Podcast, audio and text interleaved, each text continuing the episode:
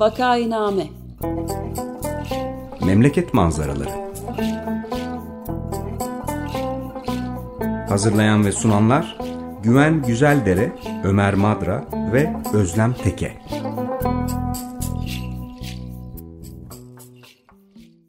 Günaydın, Vakainame'ye hoş geldiniz. Burası 95 FM Açık Radyo. E, Vakainame'yi Ömer Madra, Özlem Teke ve ben Güven Güzeldere birlikte hazırlayıp sunuyoruz. Bugün konuklarımız Begüm Nalcı ve Dila Kanbur. Hoş geldiniz, merhabalar. Hoş bulduk. Merhabalar. Merhabalar. Merhaba, hoş geldiniz. Hoş bulduk Ömer Bey, çok teşekkürler. Merhabalar, konuklarımız e, Dila Kambur, hazırda İngiltere Londra'da Goldsmith Üniversitesi Uluslararası İlişkiler bölümünde öğrenci ve alanı dolayısıyla seçim gibi süreçleri yakından takip ediyor. İlk defa oy verdiği geçtiğimiz seçim sürecinde hem sandık kurulu görevlisi hem de oy ötesi bünyesinde gönüllü müşahit olarak Londra sandıklarında görev aldı. E, Begüm Nalcı ise İstanbul Üniversitesi Amerikan Kültür ve Edebiyatı mezunu insan kaynakları alanında çalışmalarını sürdürüyor. 9 senedir oy ve ötesi sandık yapılanması süreçlerinin koordinasyonunu sağlayan Nalcı, Mayıs 2023 seçimlerinin ilk turunda İngiltere Sandık Organizasyonu'nu koordinasyonuna destek oldu. Türkiye'de merkez koordinasyonuna destek verdi. İkinci turda ise İngiltere sandıklarının yanı sıra Almanya'da sandık yapılanması kurma görevini üstlenerek 8 ilde koordinasyon sağladı. Yurt dışı seçim sürecinin tamamlanmasından sonra Türkiye Sağ Organizasyonu'nda Doğu Anadolu bölgesi illeri başta olmak üzere ihtiyaç duyulan illerdeki koordinasyon destek çalışmalarını üstlendi. Hoş geldiniz. Çok teşekkür ederiz Özlem Hanım. Hoş bulduk, sağ olun. Çok teşekkürler, hoş bulduk. Açık Radyo'da daha önce oy ve ötesi e, hakkında birkaç program yapılmıştı. E, faaliyetleri tanıtılmıştı. Begüm Nalcı da bir sefer konuk olup evet. e, dışı oyları nasıl korunuyor filan bunlardan bahsetmişti. Bunlardan bahsetmeyeceğiz. E, fakat seçimden konuşmaya devam ediyoruz. Yani bana bile mesajlar geliyor. Yeter artık sıcak da bastı. Seçim geride kaldı artık bırakın şu seçimin ucunu filan diye ama seçim sonuçlarıyla ilgili e, hemen hiçbir hesaplaşma ben görmediğim için muhalefette ve e, işte yani yendik yeniyoruz merak etmeyin işte iki haftası kaldı filan diğer insanların hepsi bir şekilde ortalıktan yok oldukları için bu konuyu e, devam ettirmek e, yönünde bir motivasyon hissediyorum. E, şimdiye kadar seçimler niye kaybedildi üstüne programlar yaptık. Mesela geçen hafta seçim şaibeli miydi e, sorusunu ele aldık ve e, evet belki seçim sonucunu değiştirmeye e, yetecek derecede bir şaibe yoktu ama bir şaibe vardı sonucu ortaya çıktı istatistiki olarak. Şimdi geçen hafta bu sorudan hareketle sorduğumuz ama cevabını bu haftaya bıraktığımız soruya geliyoruz. Peki seçimlerde şaibe varsa demek ki bazı sandıklar korunamamış olmalı. Bu niye oldu? Böyle mi acaba filan diye. Ee, şimdiye kadarki programlar hep eleştirel programlardı. Fakat bir farkımız var. Bu sefer biraz daha umutlu bir program yapmak istiyoruz. Çünkü aslında e, seçim kaybedilmiş olsa da seçim e, sandıkları güvenli bir şekilde korunabilsin diye başında durmuş e, fedakarca kendi zamanlarından ayırıp bu işle uğraşmış insanlar var. E, işte ikisi bizim konuğumuz bu hafta Begüm Nalcı ile e, Dila Kambur. Onların e, deneyimlerinden biraz söz etmek istiyoruz. Bu arada ben bir de e, Begüm Nalcı'nın bana dün e, söylediği, bahsettiği, dikkatimi çektiği bir yazıdan e, söz etmek istiyorum. Daha önce Vakainame'de de konuğumuz olmuştu Füsun Sarp Nebil. E, teknik konularda e, yazılar yazıyor. 18 Mayıs'ta T24 sitesinde bir yazı e, yayımlamış. E, orada bir takım seçim seçimin ilk turun e, Cumhurbaşkanı seçiminin ilk turundan aldığı veriler üzerine bir e, analiz aslında bir bilgisayarcıyla birlikte yapmışlar ve e, şu sonuca ulaşıyorlar. E, diyorlar ki muhalefet köy ve mezralarda genel olarak kaybediyor, e, iktidar kazanıyor. Dolayısıyla bu bölgelerde daha sıkı korumak, koruma yapmak lazım. Parantezinde de şunu eklemişler, ağlamayı bir kenara bırakın. E, ben bu yazının bağlantısını vereceğim ki isteyenler okuyabilsinler. Bence güzel ve önemli bir yazı. Geçen sene bizim, geçen hafta bizim yaptığımız seçimler şaibeli miydi programıyla da aslında temas eden tarafları var. Fakat şimdi e, konuklarımızdan aslında dinleyelim e, istiyorum. Çünkü bence sizin de aklınızdan eğer ya artık ben oy filan da vermem, e, bıktım, sıkıldım, küstüm e, gibi düşünceler geçtiyse itiraf edeyim benim geçti. Ama e, seçimli e, sistemlerde, otokratik sistemlerde olsa, otoriter sistemlerde olsa seçim sandığının bir şekilde sonucu belirlediği sistemlerde e, oy sandığını e, oy sandığına gitmemek yani e, seçimleri protesto etmek hemen hiçbir zaman bence iyi bir sonuç vermiyor. E, eğer günü geldiğinde ya oy atsam mı atmasam mı değer mi diye düşünüyorsanız bence e, Dila Kambur ve Begüm Nalcı'yı dinledikten sonra buna karar verin. Ben bu programı en azından onun için e, yapmak istedim. Şimdi hemen gönüllülerimize soralım.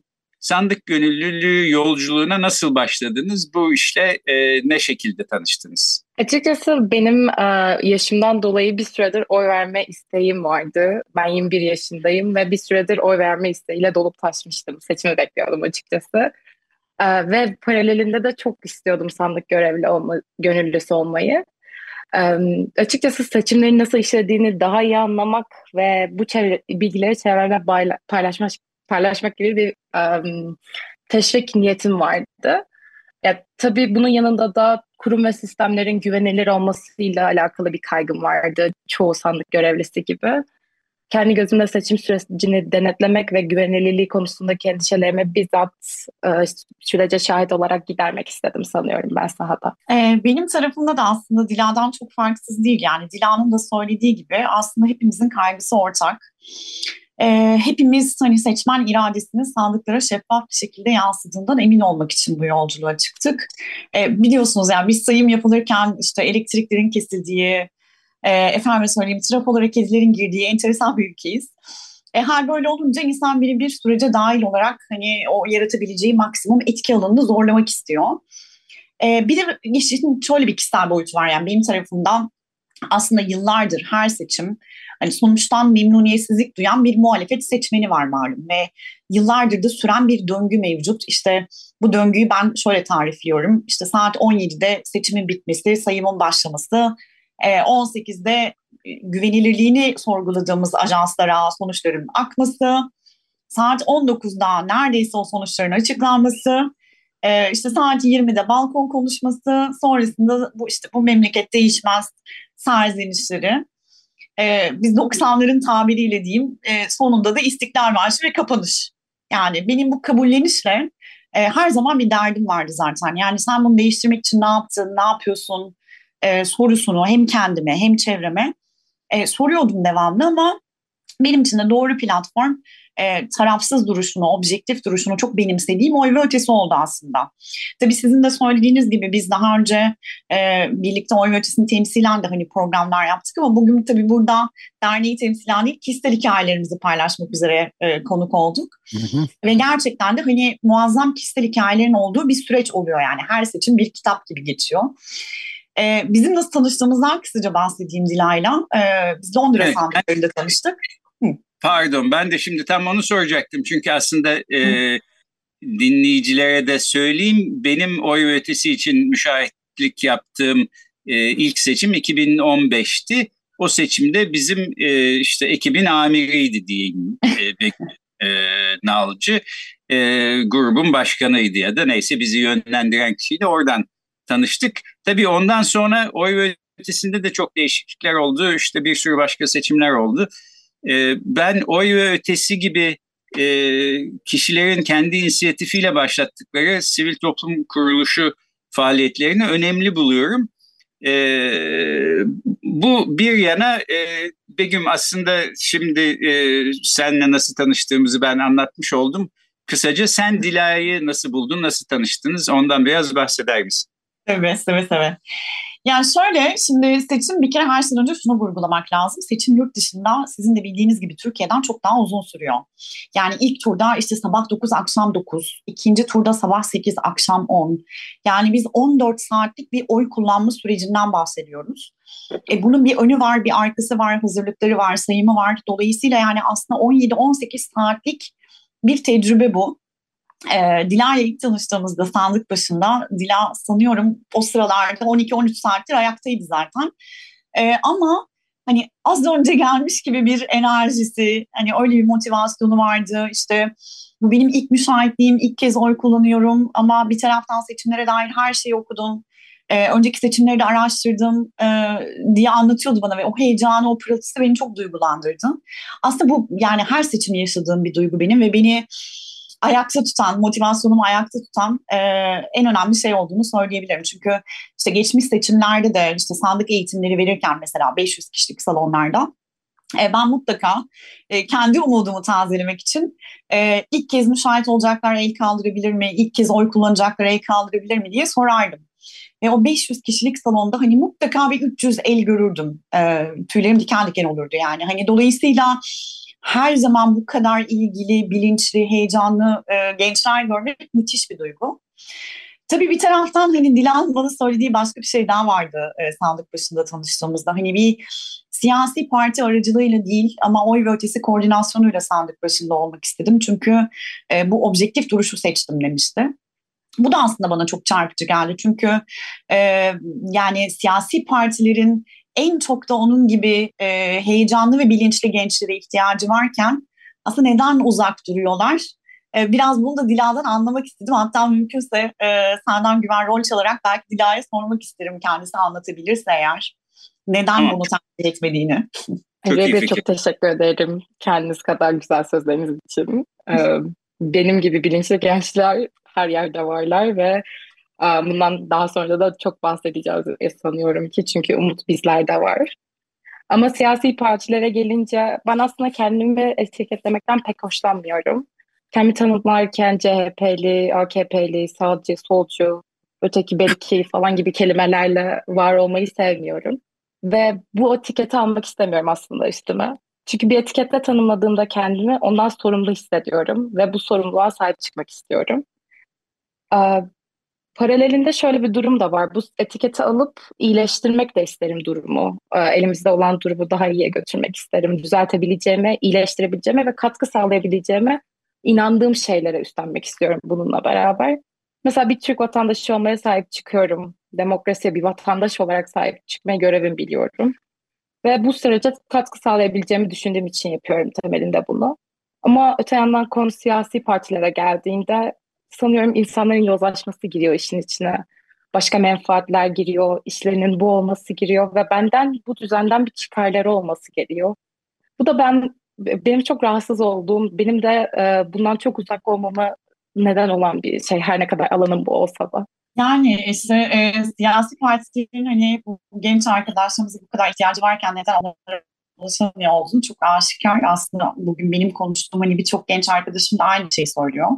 Ee, bir taraftan tabii benim de yani kişisel olarak yıllardır süren e, bu sandık güvenliği hikayemi neden bir siyasi parti bünyesinde ilerletmediğimin, işte hatta belki neden aktif siyasette yer almayı tercih etmiyor oluşumun sebebi de bu. Çünkü Türkiye'de yani siyaset demek aslında Dilan'ın söylediği gibi yani neye etki edebileceğimizden emin olmadığımız, işte var olabilmek için ne yazık ki upuzun yıllar harcamamız gereken e, bambaşka bir kariyer yolu. Yani bir genç için yol ne olmalı? Mesela bunu hepimiz sorduk. Hani böyle bu bir gerçek var ki aslında neredeyse 60 yaşında siyasete atılıyor. Yani biz hani 60 yaşına kadar beklemeli miyiz?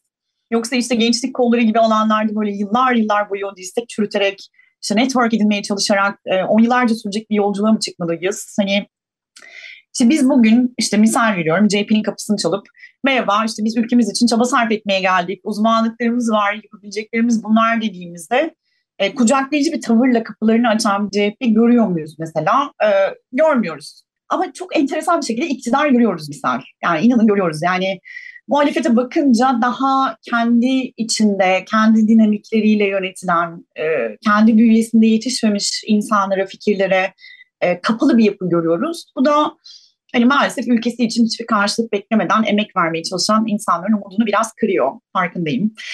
Ee, yani bunlar hani günlerce konuşmaya değer. Siz de e, programlarınızda hani bu e, eleştirilere değer veriyorsunuz tabii. Ama bir taraftan da hani bizim bildiğimiz maalesef bildiğimiz ve aşina olduğumuz hikayeler ama bu seçim özelinde e, hiç öngörmediğimiz bir e, durumla karşılaştık aslında. Yani aylardır işte ana muhalefet partisi başta olmak üzere Millet İttifakı'nın seçmenlere verdiği işte sandık güvenliğine yönelik bir takım vaatler vardı. İşte her bir oya nasıl sahip çıkılacağından, nasıl kuvvetli bir saha organizasyonu olduğundan e, bahsediliyordu. Ama aslında hani hepimize e, biraz sürpriz olacak şekilde organizasyon anlamında beklentinin çok altında kalan bir gerçekle karşılaştık biz sahada. Bu neden oldu dersiniz? Biraz belki Dilan neden olduğunu sen e, istersen biraz bahset. Ne dersin kendi gözlemlerinle? Tabii. Bence genel olarak çok güzel bir tecrübe olmasının yanı, sıra, yanı sırasında um, şöyle bir durum vardı. Kesinlikle bir liyakatsizlik vardı sahada. Uh, akrabalarını sandık görevlisi yapan çok fazla insan gördük hepimiz. Uh, bunun için sırada bekleyen çok fazla parti görevlisi vardı. Aslında o masada kendi fikrini empoze etmek için oturmamalı kimse ama genelde realite bu şekilde ilerlemedi. Ee, ve bence buradaki problem kendi fikrini temsilen o insanların eşini dostunu oraya oturtturmalarıydı. Menfaatlerini gözetecek şekilde. E, bunun dışında iktidarın seçime çok hazır olmasından bahsedebiliriz bence. Sahada çok koordinelerdi ve bununla beraber gelen bariz bir üstünlük vardı sahada. Bence bunun en önemli sebebi de şu, yalnızca seçim günü orada beraber değildi bu insanlar. Bunun öncesinde de sonrasında da hep beraberlerdi. Ve haliyle sahada kesinlikle ipleri ellerinde tutuyorlardı. E bunun yanı sıra beraberinde gelen bir psikolojik baskı da oluyor ister istemez. Bu baskının karşılığındaysa muhalefetin dediğiniz gibi sizlerin de gerekli koskoca 5 yılı varken gerekli hiçbir şeyi organize edemeyip koordine olamamış bir muhalefet gördük biz aslında orada. Ee, benim kendi kişisel bir tecrübem oldu onlarla, ondan bahsedebilirim belki. Ee, Türkiye Gönüllüleri gibi bir sandık güvenliği oluşumu oldu kendilerinin ve ben aylar önce kayıtları ilk başladığında kendilerine kaydımı iletmiştim. Ancak otomatik mesajdan başka bir geri dönüş bile alamadım kendilerinden ve serüvenimiz başlamadan bitti. E, haliyle çok seviyeli ve mesafeli duruyorlar bence. Bununla beraber kendi içlerine giremiyoruz. Daha da aksilikler yaşatılıyor. E, ve bence bunun da temel sebebi aksini kanıtlamak için bir aksiyon almıyorlar. Herhangi bir doğru yapılaşmayla ilerleyemiyorlar. En azından biz bunu gördük sahada. Tabii bunlar benim e, İngiltere'de minimal ölçekte hatta Londra'da minimal ölçekte yaşadığım olaylar. Begüm bu süreçleri Almanya'da, Türkiye'de saha organizasyonunu yönetirken yaşadı. Ve bence gözlemleri daha fazladır. Onun iletmesi daha sağlıklı olur. Tamam şimdi Begüm'e de bunu e, sormak istiyorum. Fakat ben de araya şöyle bir e, küçük e, yorum sıkıştırayım. Şimdi gerçek demokratik bir ülkenin vatandaşı e, olsam ben e, seçimlerde kullandığım oyun e, güvenilirliği konusunda hiçbir kuşkum olmaz sandık başında beklemek falan gibi dertlerim de olmaz. Olmamalıdır zaten. Yani bu devletin yapması gereken bir iş ve çok temel bir iş aslında. Fakat bu böyle olmuyor Türkiye'de. Bunu da hepimiz biliyoruz. Bildiğimiz için de işte bir kısmımız sandık başında duralım. Ee, bir sivil toplum kuruluşu aracılığıyla da olsa en azından bir acayiplik olursa müdahale edelim, sandık güvenliğini koruyalım falan diye uğraşıp duruyoruz. Bu aslında en baştan e, olayda bir tuhaflık olduğunu bana gösteriyor. Yani bu zaten olmaması gereken bir şey ama Allah'tan diyeyim e, Türkiye gibi ülkelerde işte devletin yapması gereken şeyleri devlet yapmadığı zaman vatandaş kendi inisiyatifiyle böyle şeyler kuruyor ve e, iş başa düştü deyip işte e, bir şekilde e, sandıklara sahip çıkmaya çalışıyor.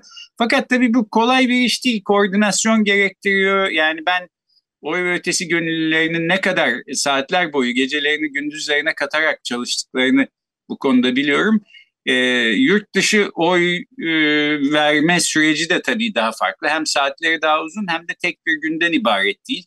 Dolayısıyla orada pek çok saat mesai yapmak gerekiyor. Senin Begüm e, bu konudaki tecrübelerin arasından aktarmak istediğin bir şeyler var mı?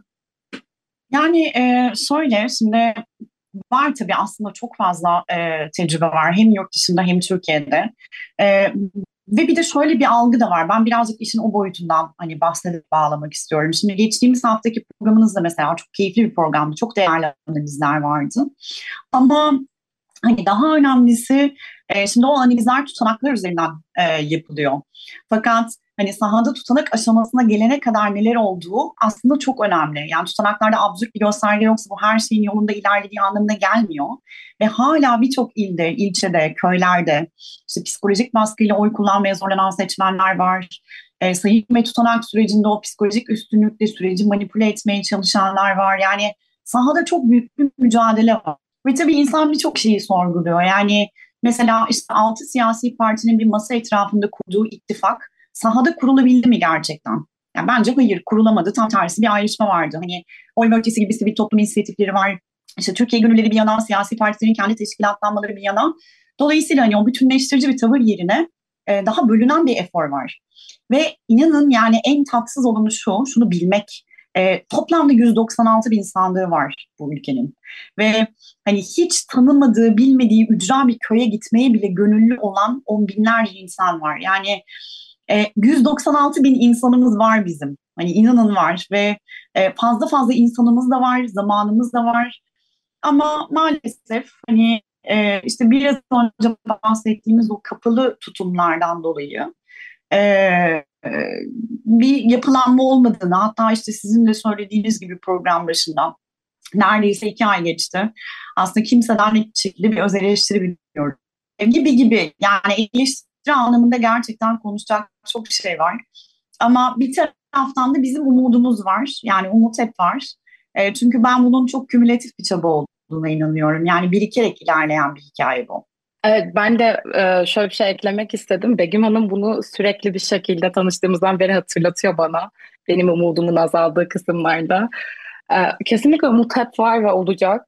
Yani seçim tecrübesinin bunun dışında çok bütünleştirici bir tarafı var. E, hiç aynı kaygı düş yürüyeceğini düşünmediğiniz insanlarla tanışabiliyorsunuz o sahada. Mesela benim MHP'li çok tatlı bir teyze arkadaşım var artık. E, kendisi bana sarma sarmaya gelecek önümüzdeki haftalarda. Hiç de böyle bir arayışım yoktu. Aman böyle birini bulayım. Böyle bir boşluğum da yoktu MHP ile 56 yaşında bir teyze boşluğum. Ama çok tatlı biri var artık hayatımda. Ve bununla paralel olarak şunun farkındayım ben. Herkes kendinden bir şeyler feda ederek o sahada. Ve bir şeylerin feda edilişinin feda edilmesinin arkasındaki tek neden de demokrasi. Herkes demokrasi için bir şeyleri feda ederek geliyor yeni doğmuş bebeğini yakınlarına emanet edip gelen ara vermeye çok mahcup bir şekilde izin alıp bebeğini emzirmeye giden bir anneyle tanıştım o sahada. O anne gibi yüzlerce insan vardı o salonlarda ve o insanlar bizim umudumuz. O umut fedakarlıklar da var. O fedakarlıklarla geliyorlar insanlar sandıklara ve eminim ki o sandıkla sınırlı değildi. Benim sandığımla sınırlı değildi. Begüm birkaç bir şey eklemek ister belki bunu. O daha fazla evet, eminim. Sandıklarını koordine ettiğin için Diler gibi başka insanlarla da başka başka ülkelerde, başka şehirlerde tanışmış olmasın herhalde değil mi? Evet yani o kadar çok hikaye var ki gerçekten e, Güven. Yani mesela Mustafa'dan bahsetmek isterim size. Mustafa Erzurum'daki ekibimizden öğrenci bir arkadaştı ve ilk turda okul sorumlusuydu. İşte çok e, parlaktı zaten. İkinci turda ilk koordinasyonun bir parçası oldu ama e, ailesi durumdan haberdar olunca kendisini engellemeye çalıştı mesela. Çünkü iktidar yanlısı bir aileydi. İşte harçlığını kesmekten tutun e, ölüm tehdidine kadar her yolu denediler. Yani ilk ikinci turun sonunda e, cami avlusunda falan yatmayı düşünüyordu e, Mustafa. Ve yine de e, sandık başında ben onunla telefonda konuşurken hani onu bir noktada sandığı bırakmaya ikna etmeye çalışırken ağlayarak hayır bırakamam diyordu bana. Yani işte e, Erem var mesela e, İskoçya sandıklarını organize edip sonra Almanya koordinasyonu için e, destek olup sonra Hatay için e, bana omuz veren işte e, Hamburg'da Zeynep var, Yozgat'a destek oldu. Yozgat e, saha organizasyonunu sağlayıp onlarca yüzlerce Yozgatlı ile konuştu ve e, ve bana sonradan şey dedi yani işte ben aslında çok büyük bir hayal kırıklığı yaşıyordum. E, ama iki hafta öncekinden çok daha farklı bir insanım artık. Çok daha umutluyum çünkü orada insanlar Yozgat'ta çırpınırken biz umudu, umudumuzu bırakamayız. Ben bir sonraki seçimde Yozgat'a gidiyorum dedi. Yani aslında hani söylemek istediğim şey şu, bunlar bu seçime özgü hikayeler değil inanın. Yani her seçimde e, onlarca, yüzlerce Mustafa var, Eren var, Zeynep var. E, hani isimler değişebilir, yüzler değişebilir ama her zaman e, umutlu insanlar var ve olacak. E, son olarak belki şey söylemek lazım. Yani aslında bu umut e, ekseninde hani hatırlamamızı istediklerinden çok daha fazla olduğumuzu unutmayalım istiyorum. Çünkü seçim sonucuna dair çok eleştiri, çok umutsuzluk hakim farkındayım. Ee, ama tüm eksiklere rağmen misal 27 milyonluk bir iktidar oyu karşısında 25 milyonluk bir muhalefet oyu olduğunu da hatırlamak lazım. İşte ülke demokrasisi için gecesini gündüzüne katan on binlerce insan olduğunu hatırlamak lazım. Muhalefet seçmeni kendini yenilmiş, kaybetmiş gibi hissediyor olabilir ama bence seçim sonuçlarıyla değil ama yalnızlaşırsak, yalnız kalırsak, umudumuzu yitirirsek kaybedeceğiz aslında. O yüzden hani bu vesileyle o güzel kalpli insanlara da ülkem adına ben minnetle teşekkür ediyorum. Ve e, ben de orada olmaya devam edeceğim. Dila da orada olmaya devam edecek. Hepimiz orada olmaya devam edeceğiz değil mi Dila? Evet, galiba sürede sona erdi, ermek üzere ya da ama e, bir tek şeyi de ben de ilave etmek istiyorum izninizle. Yani bu umut meselesini muhalefetin özgür örgütlemesi e, ana problem gibi gözüküyor aslında. Doğru. Katılıyorum Ömer Bey. Peki isterseniz aslında böyle umutlu bir şekilde de e, programı bitirelim. Zamanımız da bitti. Ben bir tek kapatırken şunu söylemek istiyorum. Şimdi Dila sen 2002 doğumlusun. Yani e, senin doğum yılınla bu iktidarın iktidara geliş senesi aynı. E, dolayısıyla evet. başka siyasi e, şey de görmedin, iktidarı da görmedin filan. Fakat e, işte bir şekilde kendine görev edinip e, sandık başında saatlerini e, geçiriyorsun filan. Ben de doğrusu yani ben çok seçim gördüm. Pek böyle sonuçlarından memnun olduğum seçimlerde göremedim hayatta şimdiye kadar ama bundan sonra bu muhalefet partilerinden hiçbirine ben oy vermek istemiyorum. Dolayısıyla oy vermeye gitmeyeceğim deme lüksüm yok. Bence bizim kuşakta kimsenin de yok. En azından hiçbir e, partiyi beğenmesek bile senin gibi e, insanlara geleceği için aslında oy kullanmamız lazım diye düşünüyorum. E, bu bir görevdir, sorumluluktur kanaatindeyim. Dolayısıyla e, herkese e, oy kullanmaktan vazgeçmemelerini e, bir kez daha buradan e, rica ediyorum. Diye bitirelim mi? Evet, vallahi bitirelim çünkü galiba süreyi bitirdik. Tamam. E, peki bugün e, konuklarımız e, sandık başı güvenliği konusunu bize anlattılar.